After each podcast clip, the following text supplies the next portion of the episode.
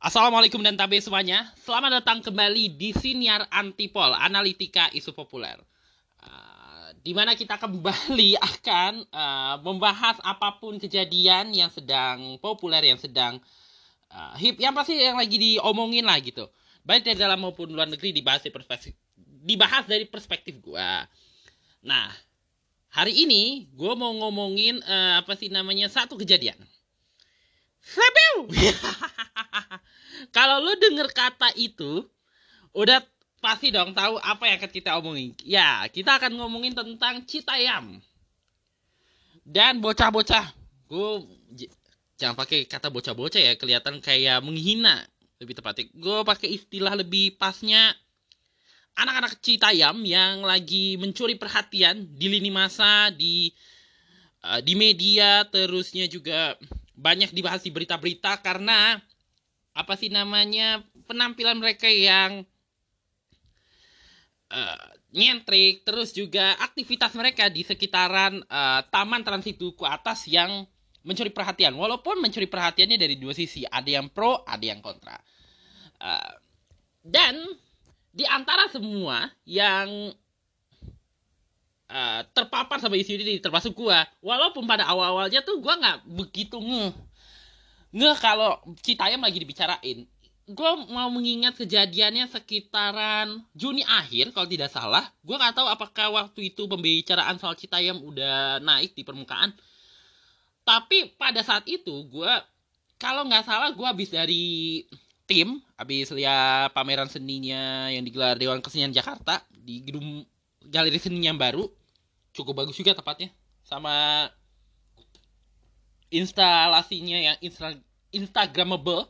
Gue ada posting tuh di instagram gue terus kemudian gue uh, lagi dalam perjalanan pulang gue ngeliat uh, taman transit duka atas sih rame banget gitu. Tapi biasanya tapi asumsi gue pada saat itu lebih tepatnya maksud gue uh, yang meramein ya pejalan kaki pada umumnya gitu. Pekerja kantoran terusnya yang pada lagi transit. Misalnya transit dari misalnya ya transitnya dari dari stasiun komuter mau ke arah MRT dan sebaliknya. Tapi memang gue ngeliat ya, ada yang berpakaian gak seperti pekerja kantoran pada umumnya. Kebanyakannya uh, pada bikin konten bikin foto segala macem. Bahkan salah satunya ada yang gue rekam lagi bikin konten gitu konten challenge kalau nggak salah gue gak begitu ngeh tapi sebenarnya itu bukan hal baru udah lama banget orang pada bikin konten bikin foto di kawasan duku atas. Termasuk gue juga beberapa kali motret di situ juga. Uh, tapi beberapa hari kemudian gue baru sadar keramaian ini ternyata ada yang gak lazim dari keramaian itu. Ternyata ada anak-anak dari daerah tapi yang paling banyak diomongin adalah dari Citayam, dari Bojonggede yang pada ngumpul di kawasan apa sih namanya kawasan Duku Atas, terutama di areal Taman Transit Duku Atas. Bahkan sampai ada satu netizen kalau kalau nggak salah Hans Devildan at Hans Devildan bilang ini keramaiannya mirip banget sama uh, jauh beda sama suasana Blok M di era 80 90-an akhir. Karena kan pada zamannya kan Blok M cukup terkenal sekali keramaiannya. Bahkan ada satu film yang membahas tentang Blok M yang digelari sebagai lintas melawai. Walaupun mungkin keramaiannya ya itu keramai puncak apa ya keramaian pada masa itu kan belakangan udah mulai ini lagi setelah sekian lama terkubur udah mulai naik lagi dengan ada MRT terusnya juga M Block salah satunya rumah adatnya anak jaksel katanya orang-orang.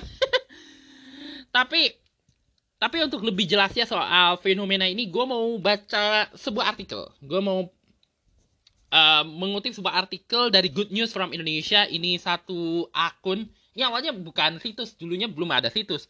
Dia ini kayak akun kalau nggak salah, akun berita. Yang beritanya berita-berita positif, gak ada berita-berita bad news is good news, gak ada. Berita positif aja tentang Indonesia gue udah ikutin dari gue masih punya Twitter lama gue udah nggak tahu lagi tuh passwordnya. Sampai Twitter gue yang sekarang termasuk di Instagram gue ikutin. Ini gue akan bacakan artikel sampai sekarang punya situsnya ya. Artikelnya ini 8 Juli berarti seminggu yang lalu ditulis oleh Siti Nur Arifa Citayam Fashion Week dan bukti kebutuhan masyarakat akan ruang hijau. Lanjutannya, Citayam Sudir Sudirman dan Duku Atas sedang jadi topik perbincangan hangat terutama di lini masa dalam beberapa waktu belakangan. Topik ini juga diikuti dengan satu istilah khusus, yakni Citayam Fashion Week.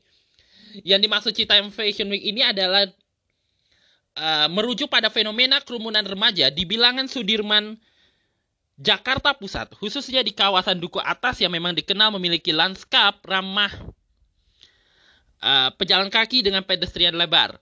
Selain itu, kawasan ini juga memiliki fasilitas ruang publik yang memadai untuk dijadikan tempat berkumpul bagi komunitas masyarakat dari berbagai latar belakang. Di sinilah ratusan anak remaja yang diketahui berasal dari Citayam, Bojonggede, Bekasi, atau pinggir wilayah Jakarta berbondong-bondong meramaikan lingkungan sekitar. Uh, Mengapa begitu mencuri perhatian? Karena mereka berkumpul di tempat tersebut dengan uh, memiliki dengan penampilan mereka yang memiliki ciri khas dalam hal setelan pakaian dan berpenampilan. Nah, ini ada salah satu akun namanya Bian underscore Tino yang apa sih memotret salah satu ini kayaknya juga kayaknya salah satu penyebab kenapa akhirnya si apa sih namanya Cita Fashion Week ini jadi perhatian yaitu ada dua toh ada dua sosok di balik ini yaitu uh, namanya ini kemudian menue apa mencuri perhatian namanya Roy terus ada lagi seorang cewek cakep banget namanya JJ termasuk juga ada pula namanya Kur namanya aneh bener ya Korma sama Bonge nanti gue jelasin di belakang gue mau lanjut dulu artikelnya uh, artikelnya bla bla bla bla bla bla bla bla bla bla bla. Ya. Jadi si Cita Fashion Week ini dibilang Fashion Week karena apa ya? Ada yang unik lah dari penampilan mereka. Ada yang memakai celana jeans dengan model cut bright, kaos oversize, kemeja flannel, tas cangklong, kacamata gaya, topi hingga sneakers. Mayoritas dari mereka ada juga yang menggunakan pakaian bernuansa hitam dengan gaya ala street streetwear atau pakaian jalanan dan menyentrik.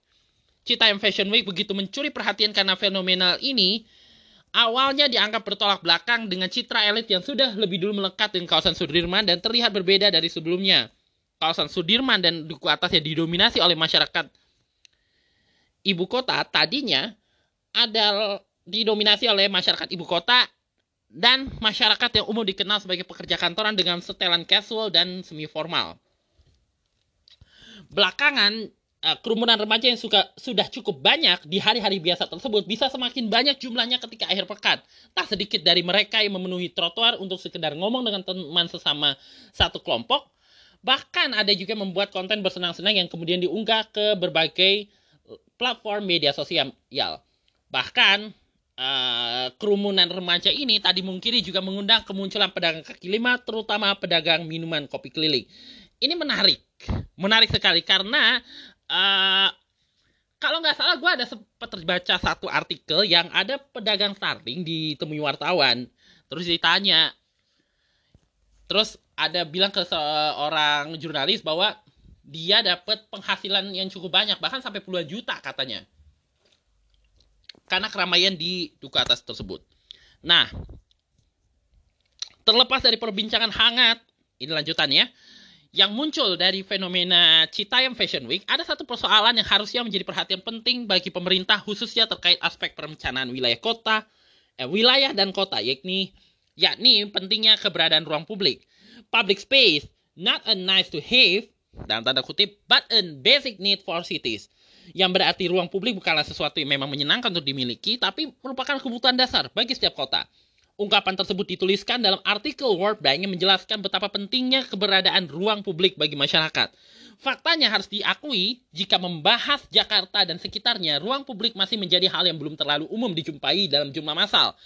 Hal tersebut lantaran ya, lahan yang ada lebih diprioritaskan untuk dibangun sebagai kawasan perkotaan, industri, dan sejenisnya di sisi lain, sedangkan masyarakat membutuhkan ruang untuk bersosialisasi, berinteraksi, mencari hiburan, dan lain sebagainya. Sehingga, sehingga ketika ada ruang publik dengan fasilitas yang memadai seperti kawasan Duku Atas dan Sudirman yang tidak dapat ditemui di daerah lain, otomatis langsung mengundang kedatangan dari masyarakat di kota satelit. Hal ini juga dipermudah dengan adanya komuter atau KRL yang hanya perlu mengeluarkan uang sekitar 3.500 sampai 5.000 rupiah tapi dalam bentuk kartu elektronik ya. Masyarakat yang dimaksud sudah bisa mengakses ruang publik ini dengan perjalanan nyaman dan cepat. Fenomena berangkat dari fenomena ini awalnya tak dimungkiri. Dianggap kurang elok oleh masyarakat kalangan elit atau masyarakat menengah ke atas, tapi perlahan mulai banyak dimaklumi oleh mereka yang paham konteks kebutuhan kelompok masyarakat lain yang sebenarnya. Ini menurut ujar sosiolog UNJ atau Universitas Negeri Jakarta Ubaidillah Badrun yang dikutip dari USS Fit, empati, empati kepada mereka yang dahaga uh, ruang publik dan dahaga hiburan dengan suasana kosmopolit, saya kira itu penting. Ini kata beliau. Di hal yang senada juga diungkapkan oleh Gubernur DKI Jakarta Anies Baswedan. Menurutnya, hal tersebut justru menjadi kesempatan untuk mensetarakan kepemilikan fasilitas umum menjadi milik bersama. Dijelaskan pula kawasan Sudirman yang dulunya hanya dimiliki atau bisa diakses oleh orang-orang yang memiliki kepentingan di lingkungan tersebut uh, dengan adanya perkembangan ini bukan hanya pekerja ibu kota atau masyarakat Jakarta saja yang bisa mengakses, namun bahkan seluruh masyarakat Jabodetabek bisa menikmati ruang tersebut. Ini ujar Anies Baswedan. Jadi yang kita miliki bukan sekedar trotoar, mendadak dalam kurung lanskap tower-tower tinggi. Itu bukan hanya menjadi milik mereka yang bekerja di tempat ini, tapi bagi siapa saja silahkan datang. Saya mengistilahkan demokratisasi Jalan Jenderal Sudirman karena menjadi milik semua. Siapa saja bisa datang menikmati, ujar Anies Baswedan.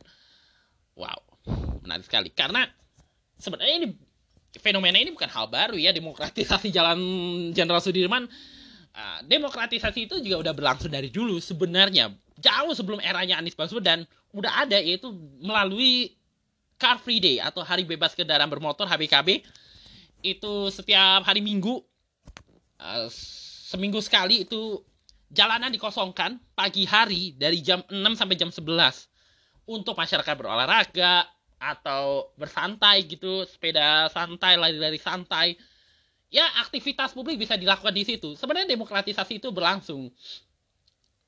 Tapi namanya juga kegiatan seminggu sekali ya, cuma bisa dilakukan seminggu sekali. Tapi dengan kemudahan yang sekarang ada, ruang publik yang ada, uh, gak perlu menunggu hari minggu pagi, bisa dilakukan setiap hari. Nah, itulah salah satu kenapa alasan ini terjadi gitu. Uh, jadi tadi gue bilang kan bahwa uh, fenomena ini mencuri perhatian pada akhirnya di lima masa walaupun ada dua sudut. Yang pro ngerasa ya seperti yang tadi dibilang Pak Ubaidillah ada kebutuhan masyarakat yang perlu diperhatikan gitu. Istilahnya tadi tadi gimana sih istilahnya paling pasnya gitu? Maksudnya ada perlunya empati gitu. Bahwa mereka nih haus akan kebutuhan-kebutuhan ruang-ruang kosmopolit ya, ruang-ruang publik yang kosmopolit yang bisa diakses oleh seluruh masyarakat gitu kiranya. Nah, sedangkan yang kontra ngerasa, aduh, ini kurang tertib banget gitu, istilahnya gak tertata gitu, malah bikin jadi keadaan jadi ruwet gitu, jadi tambah ruwet gitu. Yang sebelum ini ruwet karena uh, efek apa sih namanya residu dari pandemi pak pak gebluk jadi tambah ruwet lagi gitu karena kalau nggak salah netizen netizen yang kontra juga ada yang posting dampak dari Cita Fashion Week. Kayak ada satu foto kalau nggak salah siapa yang posting yang jelas tuh foto eh, keadaan di situ setelah mereka bubaran malam. Tuh banyak banget sampah dan segala macamnya. Nah gara-gara kontroversi yang salah satu yang dipicu itu juga polisi sempat ada bilang bahwa sebenarnya nggak masalah kalau misalnya anak-anak ini mau pada nongkrong tapi harus tahu waktu gitu. Nah kebanyakannya dikatakan tidak eh, bahkan sampai tengah malam sehingga akhirnya direncana dilakukan penertiban. Bahkan kalau nggak salah sempat ada satu yang terpublikasi bahkan JJ-nya ikut dibawa ke sana gitu istilahnya. Uh, karena sampai larut malam nongkrongnya gitu. Tapi balik lagi ya terlepas daripada keterkejutan publik gitu kekagetan publik yang tidak uh, merasa lazim dengan keramaian ini gitu. Tapi uh, fenomena si apa sih namanya si Citayam Fashion Week alias uh, Sudirman Citayam Bojonggede dan sekitarnya istilah yang muncul juga dari ledakan ini juga akhirnya membuat banyak orang juga penasaran sebenarnya apa yang sebenarnya terjadi gitu. Ah, kayak si Patra Gumala penggawannya siniar podcast hancur tuh datang ke sana sama temen siarannya di Gen FM terus kemudian ada satu kalau nggak salah ada satu pengguna Twitter namanya Sofia Florina ada posting sesuatu gitu ya mengenai masalah ini gitu yang kemudian dibalas sama Tokyo Fashion. Anjir mencuri perhatiannya si Tokyo Fashion uh, postingannya Sofia Florina. Ini gue lagi buka twitternya tatu tatu tati tatu tatu sebentar ya. Ini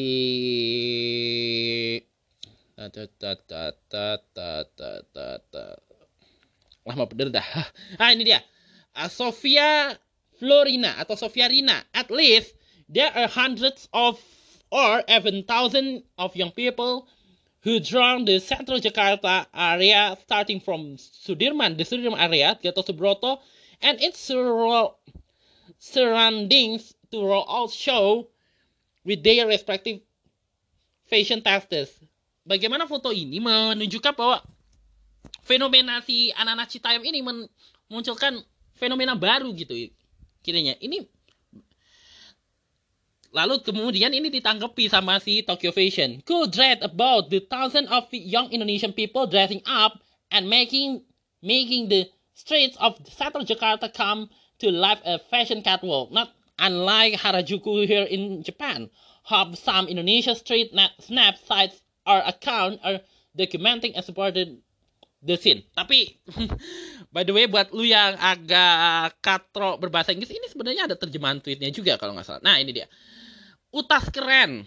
Utas menarik tentang ribuan anak muda Indonesia yang berdandan dan membuat jalanan di Jakarta Pusat menjadi hidup seperti panggung lenggok fashion tidak seperti di Harajuku, Jepang. Semoga beberapa situs atau akun street snap Indonesia mendokumentasikan dan menunggu adegan tersebut. Wow.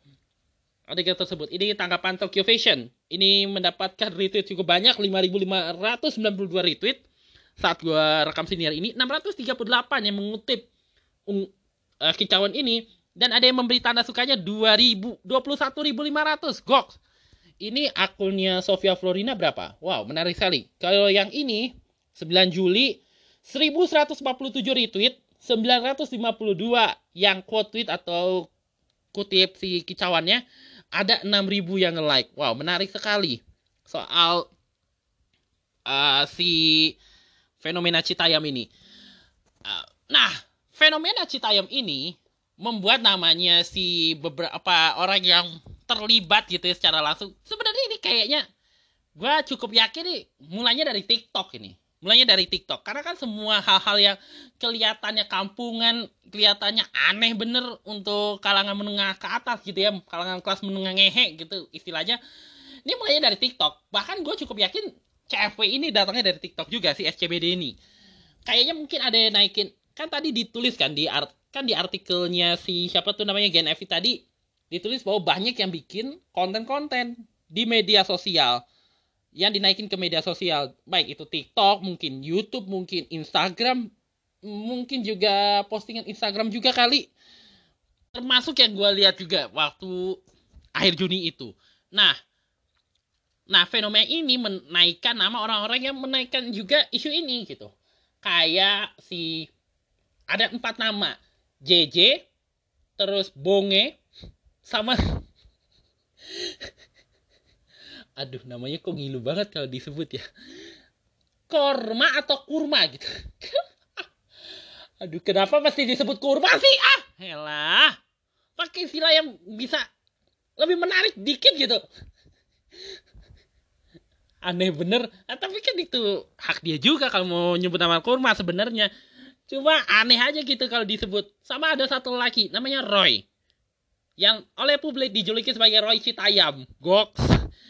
Nah, gara-gara ini eh, selain Mas Anies juga ikut bereaksi terkait dengan hal ini gitu ya. Walaupun beliau juga ada titip pesan tolong dijaga kebersihannya segala macam. uh, Sandi Uno juga ada menanggapi soal fenomena ini kan ini sesuatu yang agak tidak lazim sebenarnya. Bahkan sampai menawari beasiswa. Walaupun uh, si Roy-nya udah bilang ah nggak usah lah pak. Saya mah bukan. Untuk jadi pelajar saya mah mau bikin konten eh gitu istilahnya. Kan orang Bogor kan kebanyakan orang Sunda ya eh naon pisan gitu ya. Jadi si Roy-nya nggak tertarik gitu dikasih beasiswa. Tapi walau bagaimanapun pemerintah pusat melalui Bang Sandi sebagai Menparekraf tetap beri dukungan terkait hal ini. Tapi menarik gitu ya tentang masalah si Citayam ini karena ada dua titik nih. Pertama uh, fenomena anak-anak ini yang ada sebagian kalangan cenderung uh, merasa ini hal yang agak tidak lazim gitu ya. Bahkan bahkan ada yang kayak ngerasa nih cuma ngotor-ngotorin tempat aja gitu istilahnya tapi di saat bersamaan juga ada isu soal keruangan, ruang publik, ke kehausan akan ruang publik yang memunculkan fenomena ini. Eh, meskipun gua nggak begitu mengikuti ya uh, diskusi mengenai uh, si tayam ini baik dari pro maupun dari kontra gitu ya. Uh, tapi gue bisa memprediksi yang kontra ini di antara yang kontra ini ya lebih tepatnya pasti ada aja yang bilang bahwa ngapain sih ini bocah-bocah gitu? Udah mah apa sih namanya si duku atasnya udah rapi udah tertata segala macam kok kayak apa sih namanya muncul gitu. Kayak memunculkan parasit gitu. Dianggap parasit gitu. Ini dan kalau misalnya ini seandainya ya seandainya ada yang berpikiran begitu ya merasa bahwa ya mereka bocah-bocah kampung ngapain gitu meja-meja di tempat-tempat terhormat kayak gini gitu. Dalam tanda kutip tempat yang terlihat terhormat ini, gue cukup yakin bahwa mereka ini mungkin salah berpikir. Persis seperti orang-orang yang pada waktu itu ini mas udah lama sekali kejadiannya. Pas Asian Games pada ngeramein soal bambu. Karena dianggap bambu itu lambang dari kemunduran apa sih istilahnya hal yang seharusnya nggak harusnya terlihat lagi dilihat di kawasan elit gitu termasuk juga orang-orang yang pada ngeramein waktu pemerintah Jakarta ada niat pengen ngasih ruang beca untuk dapat lisensi. Setara dengan uh, penarik beca ya dalam hal ini setara dengan para supir angkot supir ini segala macam diikutkan dalam jaklingko. Itu juga pernah dikritik. Walaupun sebenarnya menurut gua gak ada salahnya. Sebenarnya sebenarnya ruang publik itu adalah tempat yang paling mungkin lu nggak perlu keluar biaya banyak-banyak untuk apa sih namanya untuk bisa mengakses itu. Ya paling cuma beberapa ribu untuk perjalanan transportasi publik. Sekarang kan transportasi publik di Jakarta juga udah lumayan gitu. Ada tarif integrasi segala macem. Ya walaupun harus ikut dalam sistem. Kalau di luar mungkin gua nggak tahu. I, I don't know. Gua gak begitu ngerti soalnya. Dibanding misalnya ke Kitsania yang lu harus ngeluarin 200 ribu atau misalnya ke apa sih ancol yang tanda masuknya aja lumayan itu untuk ukuran uh, pendapatan di bawah 300 ribu tuh lumayan mungkin. Pendapatan 300 ribu ke bawah gitu ya istilahnya. Kalau yang mungkin 700 atau 1 juta ke atas mungkin lain cerita lain cerita mungkin. Tapi untuk masyarakat ini yang mungkin penghasilan juga terlalu bawah ataupun mungkin secara penghasilan masih bergantung pada orang tua atau ya penghasilannya nggak terlalu besar-besar amat ruang publik seperti Taman Duku Atas, Taman Transit Duku Atas, apalagi kayak taman-taman di Jakarta gitu ya. Itu sesuatu yang sangat ya semacam apa ya, semacam gue mau pakai istilah gue mau pakai istilah oase oase yang menyejukkan untuk mereka terutama sekali yang wilayahnya mungkin di daerahnya itu hampir tidak ada ruang publik kayak misalnya kalau misalkan kayak kayak Citayam ya, Citayam itu daerah Depok. Dan Depok itu kalau lu mau tahu, tuh paling sering disorot karena kebijakan keruangannya tuh buruk sekali gitu. Bahkan bahkan alun-alun Depok aja baru diadain sekarang. Tahun-tahun tahun-tahun sebelumnya hampir tidak ada sama sekali ruang publik yang dibuka di Depok. Semua izin pembangunan itu hampir semuanya apartemen, mulu perkantoran, mulu mall, mulu hampir tidak ada gitu ruang publik. Kalaupun ya ruang publiknya sih baru sekarang-sekarang ini aja gitu. Termasuk gara-gara Kang Emil waktu itu. Kalau nggak salah ada satu daerah di Depok yang ditata atas rancangannya Kang Emil. Karena tujuannya adalah uh, untuk menciptakan ruang publik. Lebih banyak orang mendapatkan akses terhadap ruang-ruang ini. Karena nggak semua orang bisa mendapatkan akses ke ruang-ruang yang mungkin lingkungannya besar dan segala macamnya. Sesuatu alasan kenapa juga pemerintah pengen dulu ya Jakarta tuh sempat mau sebenarnya sih udah berjalan sih yang penataan Monas. Karena semua orang pasti ke Monas. Terutama sekali di daerah-daerah yang hampir tidak ada hampir sukar untuk menemukan ruang publik. Terutama Jakarta Barat sekitarnya itu hampir sukar untuk menemukan itu karena sempitnya lahan dan segala macamnya gitu. Nah, karena minimnya mungkin karena minimnya ruang publik di sana mungkin ya, ya akhirnya banyak yang pada mereka ngelihat mungkin ya melihat duku atas ini jadi kayak sesuatu apa daya tarik tersendiri untuk mereka ya datanglah mereka. Dan terjadilah keramaian seperti yang kita lihat gitu. Kalau gua bahkan katanya juga ada bocah Tangerang juga yang ke sana. Walaupun sebenarnya di kota Tangerang sendiri juga sudah yang gue perhatikan ya sebagai orang Tangerang sendiri juga udah mulai gitu. Bahkan di dekat rumah gue sendiri udah ada taman kalau nggak salah. Taman namanya alun-alun Pinang. Yang nggak kayak alun-alun sebenarnya. Aneh bener. Tapi ya belum seberapa kayak misalnya di Ciledug itu gue ada satu tempat tuh tuh bisa tuh dibikin alun-alun. Terus kan lagi-lagi ini kemauan politik juga dari pemerintahan di daerah tersebut. Bagaimana menciptakan ruang publik yang berkualitas yang tarafnya baik terus kemudiannya bisa diakses publik gitu ya. Fasilitasinya memadai lah gitu. Ruang publik yang memadai gitu. Sehingga mereka ya kan kritiknya adalah ini terlalu banyak kerumunan ini segala macam cenderung kurang tertib. Bagaimana supaya ruang-ruang ini ada sehingga terjadi perpecahan gitu, pemecahan uh, konsentrasi massa gitu istilahnya. Bagaimana kita menciptakan ruang yang memungkinkan terjadinya pemecahan konsentrasi massa, konsentrasi massa yang berada di satu titik tertentu bisa dipecah gitu dengan penyediaan ruang yang memadai dan merata di semuanya, termasuk di Bekasi, mungkin di Bogor juga, mungkin di Depok juga, di Tangerang Selatan juga, di Tangerang Kota terutama juga. Tapi kalau kita bi itu itu masalah ruang. Tapi kalau bicara soal mbak kemunculan orang-orang ini gitu, kalau misalnya sampai ada di antara mereka yang nyinyir, gue cukup yakin sih mungkin masih banyak dan mungkin juga masih banyak di antara kita yang apa sih namanya masih berpikir bahwa orang-orang bawah ini parasit sehingga mesti dijauhi gitu dari ruang-ruang yang dianggap ya milik kami gitu. Bukan milik elo gitu.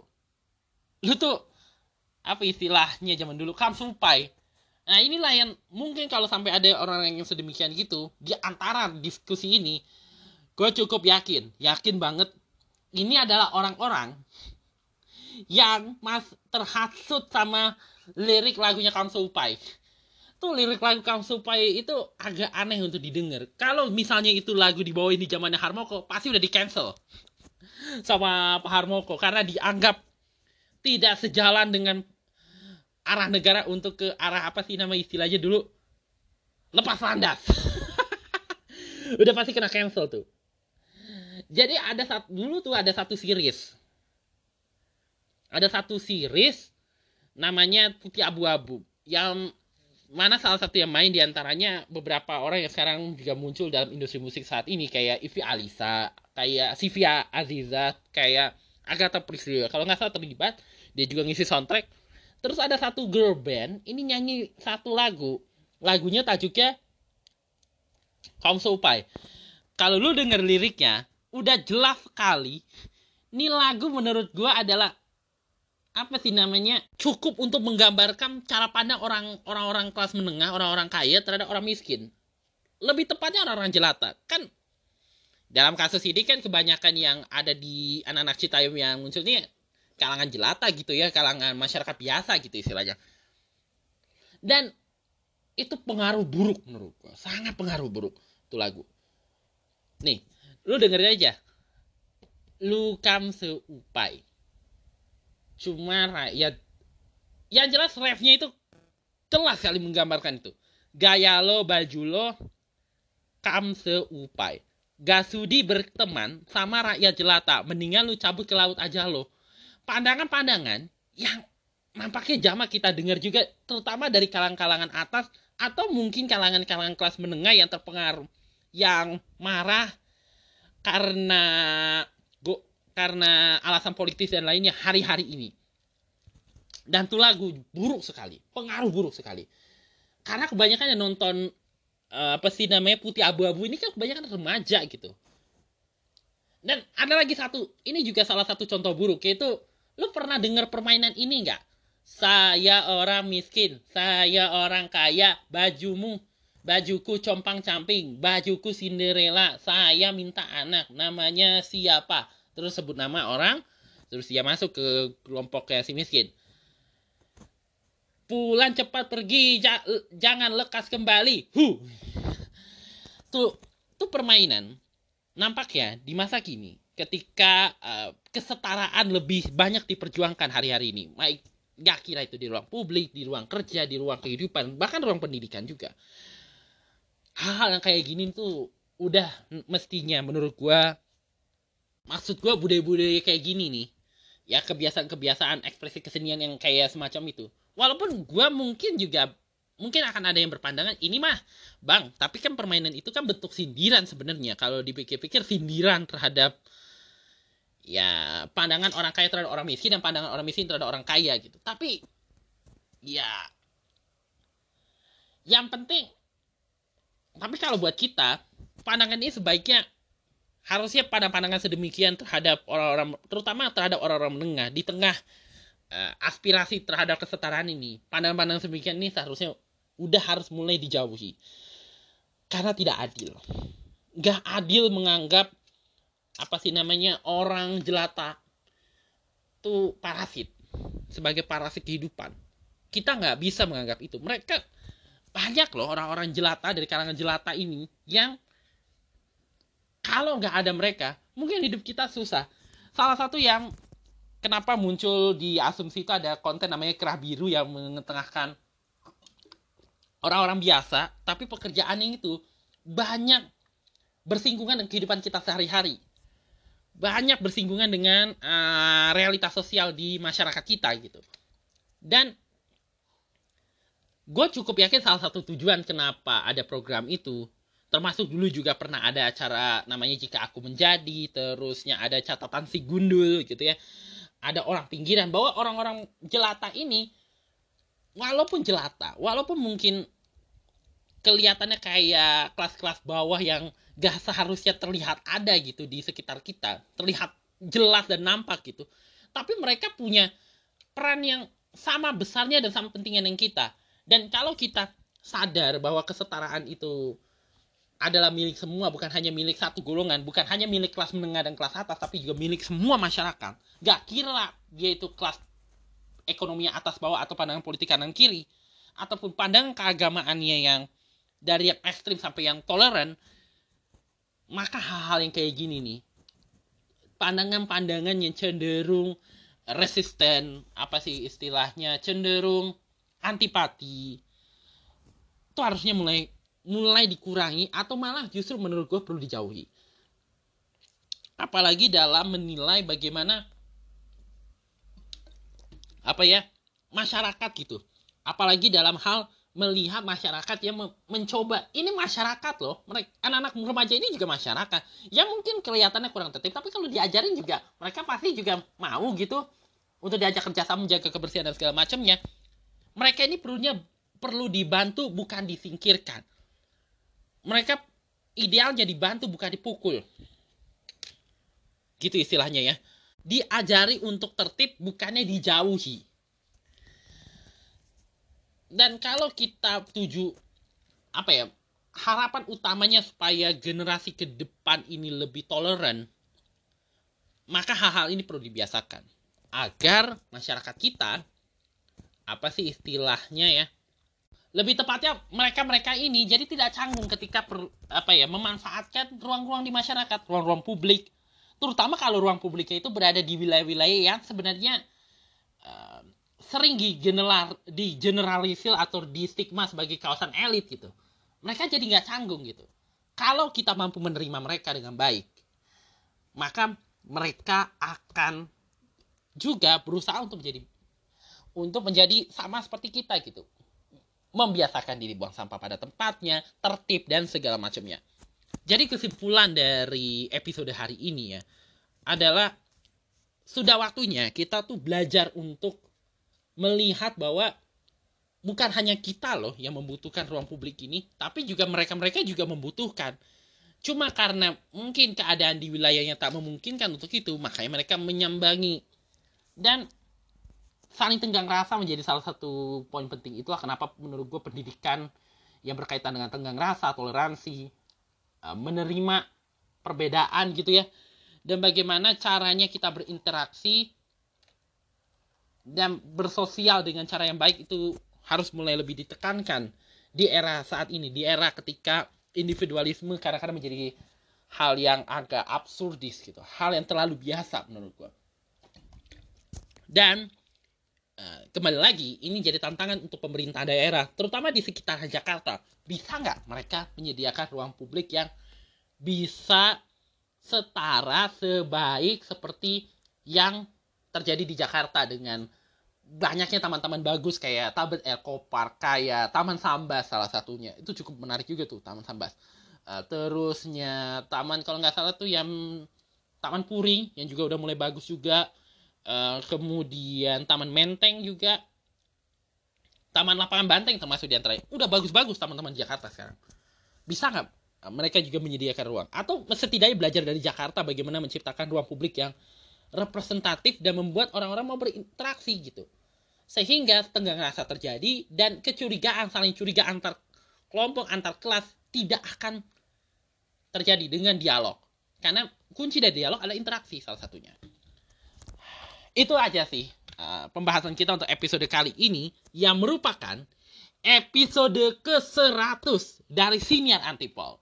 Uh, gua sebab Noval R selaku yang membawakan siniar ini, ini ingin berterima kasih kepada lu semua yang udah dengerin siniar ini dari episode pertama, dari musim pertama sampai sekarang. Dan gue mohon maaf kalau misalnya uh, jadwal sirniannya suka berantakan, terusnya jadwal rilisnya kadang-kadang suka lemot dan kadang-kadang gue berusaha keras untuk bisa rutin gitu ya tiga kali seminggu sekarang. Ini kan dua hari sekali ya dalam rangka setahun antipol. Gue bisa lagi berusaha untuk bisa rutin tiga kali seminggu. Dan gue lagi mencoba mohon doanya supaya ikhtiar ini bisa berjalan dengan baik terima kasih untuk semua yang terus memberi dukungan. Uh, semoga lu juga masih terus setia bersama Siniar Antipol Analitika Isu Populer. Uh, kita ketemu lagi di episode berikutnya dari Siniar Antipol.